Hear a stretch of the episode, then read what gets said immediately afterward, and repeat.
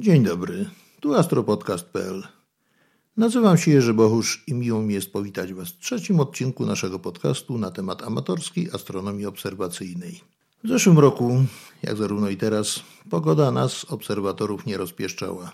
Prawie cały czas były dni pochmurne z przelotnymi opadami i trudno było zorganizować jakiekolwiek obserwacje.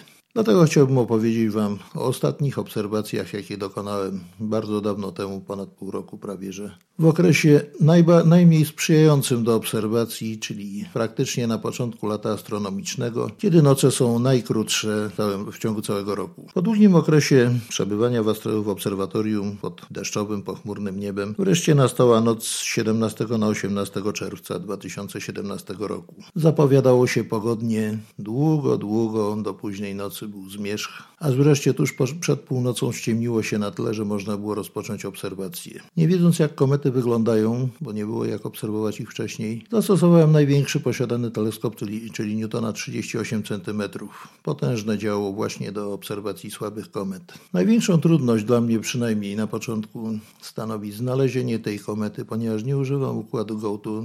Teleskop na montażu Dobsona, więc trzeba go ręcznie naprowadzać. Ale jak znalazłem kometę, widok się się okazał niesamowity wprost i zapierający dech w piersi. Kometa była widoczna na tle dwóch galaktyk. NGC 5566 i NGC 5569. Dość jasnych, a 38 cm lustra zrobiło swoje, także były wspaniale widoczne. Jednocześnie kometa przylegająca do nich bardzo blisko, częściowo się nakładająca, dawała niesamowity efekt, taki mglisty, po prostu bajeczny nie z tego świata. No i faktycznie nie z tego świata to było. Jednak widok taki wspaniały, przepiękny, dosłownie zapierający dech w piersiach, z punktu widzenia obserwacyjnego miał niewielkie zastosowanie. Żeby nie powiedzieć wprost, był bezużyteczny. Światło komety nakładało się na światło galaktyk i jak tu zmierzyć jej jasność, wielkość itd., tak itd. Tak nie dało się. Cóż było robić? Jedyne, co, co pozostało, cieszyć się tym widokiem i czekać, aż kometa poruszająca się po orbicie wokół Słońca bardzo szybko, kiedy jest w peryhelium, zejdzie z tych galaktyk i będzie osobno widoczna na niebie. No, zajęło to prawie godzinę i w tym momencie można było przystąpić już do obserwacji właściwych. Była dosyć jasna. Oszacowałem jej magnitudo, czyli jasność, wielkość gwiazdową na 8,6.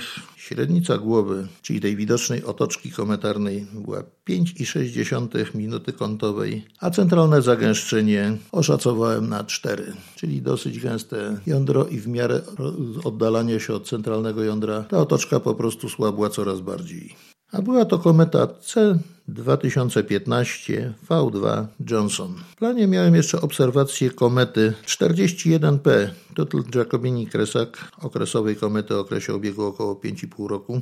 Ale niestety, zanim skończyłem obserwację Johnsona, niebo zaczęło się rozwidniać, także nawet nie było co podchodzić do obserwacji tej komety. Momentalnie, zanim zdążyłem dojść do niej, w okularze pojawiła się już szarość zamiast ciemności nocy, gwiazdy zaczęły blednąć, o komecie nie było mowy. Rzut oka obok, gołym okiem na niebo upewniał, że już jest świt, nawet nie tyle świt co poranek. Także trzeba było kończyć obserwację.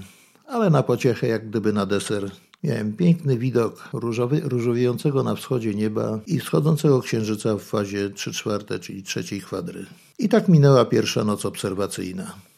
Następne dni i noce były pochmurne aż do, do, do, nocy z 19 na 20 czerwca. Piękna pogoda się zrobiła, ale noc była chyba najkrótsza w ciągu całego roku. Dopiero można było praktycznie od północy rozpocząć obserwacje. Dlaczego od północy? Wprowadzono czas letni więc północ prawdziwa była o godzinie pierwszej w nocy, a o drugiej zaczęło się już rozwidniać. Także okno obserwacyjne było dosłownie dwugodzinne i to takie ledwo, ledwo. Na pierwszy rzut poszła oczywiście kometa C2015V2 Johnson. Dosyć łatwo było ją odnaleźć, ponieważ jest jasna. Znaczy była jasna wtedy, teraz już jest niewidoczna oczywiście. Łatwo było ją oszacować jej parametry i tak jasność wyszła 8,5 magnitudo, średnica otoczki, czyli głowy 6,6 minuty kątowej, a zagęszczenie centralne było równe 5, czyli DC równe 5. Oczywiście w tych warunki były troszeczkę lepsze, niebo troszeczkę czystsze,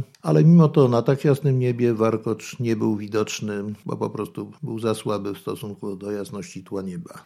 O ile z tą kometą nie było większych problemów ze znalezieniem, to gorzej było ze znalezieniem 41P Tuttle Jacob Kresak. Mimo, że była wyżej nad horyzontem, ale była dużo, dużo słabsza. Trzeba było znaleźć miejsce, gdzie ona jest, co nie było aż takim trudnym, ale znaleźć ją samą, wypatrzeć. Była bardzo rozmyta, rozlazła, czyli mimo, że jasność miała dosyć dużą, ale jasność powierzchniowa na dosyć dużej przestrzeni otoczki była bardzo słabiutka, co na jasnym niebie nie ułatwiało zadania, a raczej bardzo utrudniało. Tym niemniej udało mi się znaleźć jako bardzo słaby, ledwo widoczny obiekt o jasności 10,9 magnitudo, a średnica otoczki przy tak słabym obiekcie była 4 minuty kątowe. No i ledwo, ledwo zagęszczona DC równe było 1,5. Wszystkie obserwacje tak samo robiłem największym teleskopem 38 cm Newton na montażu Dobsona. Udało się zrobić te obserwacje. Jak tylko zacząłem kończyć obserwację 41P, niebo już się znowu zaczęło natychmiast rozwidniać. Można było podziwiać piękny świt, ożywiającą się przyrodę, śpiew pierwszych ptaków, pianie kogutów, a potem nie zostało nic innego, tylko pójść spać już praktycznie za dnia, chociaż jeszcze godzina była bardzo, bardzo młoda. I tak minął drugi dzień obserwacyjny.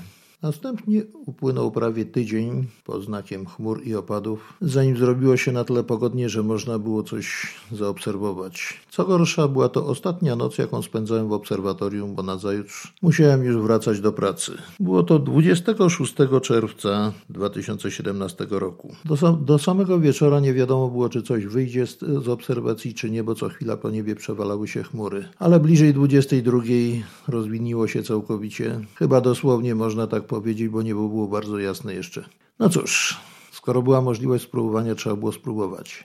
Przyznam szczerze, że przez ten tydzień nie śledziłem za tą kometą, bo nie było jak inne doniesień internetowych na temat jej położenia. Odpaliłem komputer w obserwatorium, rzut oka na mapę. O cholera, jest tuż nad horyzontem 6,5 stopnia. Nie ma mowy o wyciąganiu ciężkiego sprzętu, żeby zdążyć z obserwacją czy cokolwiek zrobić. Za chwilę zniknie w oparach nad horyzontem. Szybko, lornetka do ręki, tylko rzut oka gdzie jest, dwie jasne gwiazdy, w pobliżu powinna być kometa, 5 stopni pola widzenia powinno załatwić sprawę, o ile będzie na tak jasnym tle widoczna.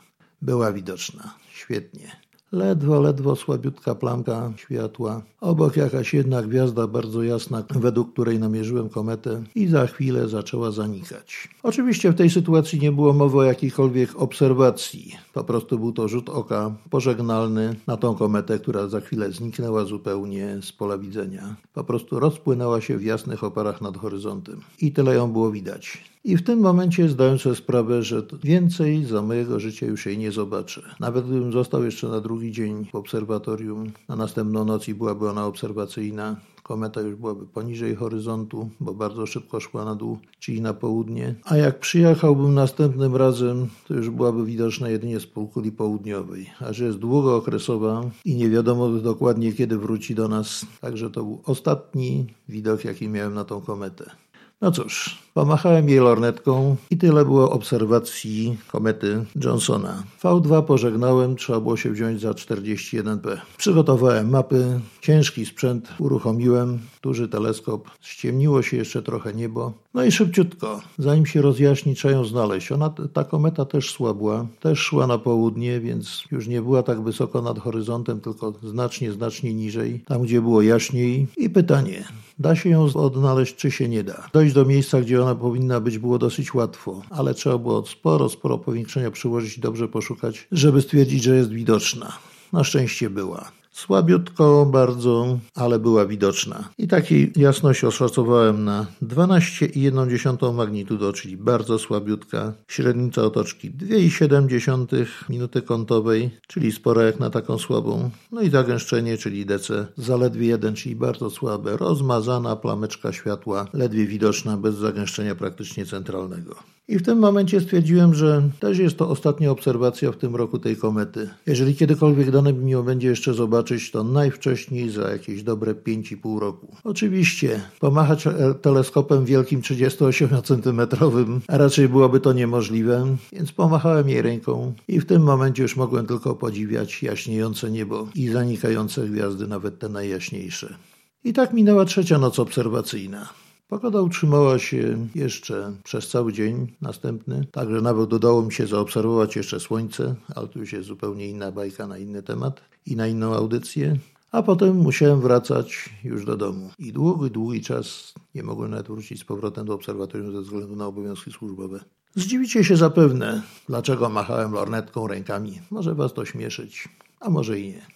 Ale musicie wiedzieć, że jak człowiek obserwuje przez dłuższy czas komety, czasami pół roku nawet i więcej, kilkakrotnie, to traktuje je jako takich starych, dobrych znajomych. A podczas każdej obserwacji to jest tak, jak wpaść do nich na kawę jakąś i zapytać się, co u nich słychać. Kiedy przebiegają najbliżej Słońca, wtedy stają się widoczne i możemy je obserwować.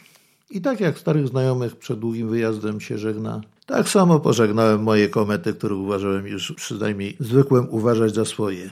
W tej audycji wprowadziłem, jak zauważyliście zapewne, w parę nowych pojęć typu jasność, magnitudo, DC, średnica otoczki itd. Tak Wszyscy ci, co obserwują niebo, a zwłaszcza komety, wiedzą dokładnie o co chodzi i nie wymaga to żadnych wyjaśnień dla nich, ponieważ tymi pojęciami posługują się na co dzień. Natomiast dla tych, którzy dopiero zaczynają swoją przygodę z astronomią albo zamierzają dopiero ją rozpocząć, wyjaśnię te pojęcia w jednej z najbliższych audycji. I to na dzisiaj byłoby wszystko. Słuchaliście astropodcastu.pl. Życzę Wam miłego dnia albo dobrego wieczoru, a wszystkim obserwatorom czystego nieba i udanych obserwacji.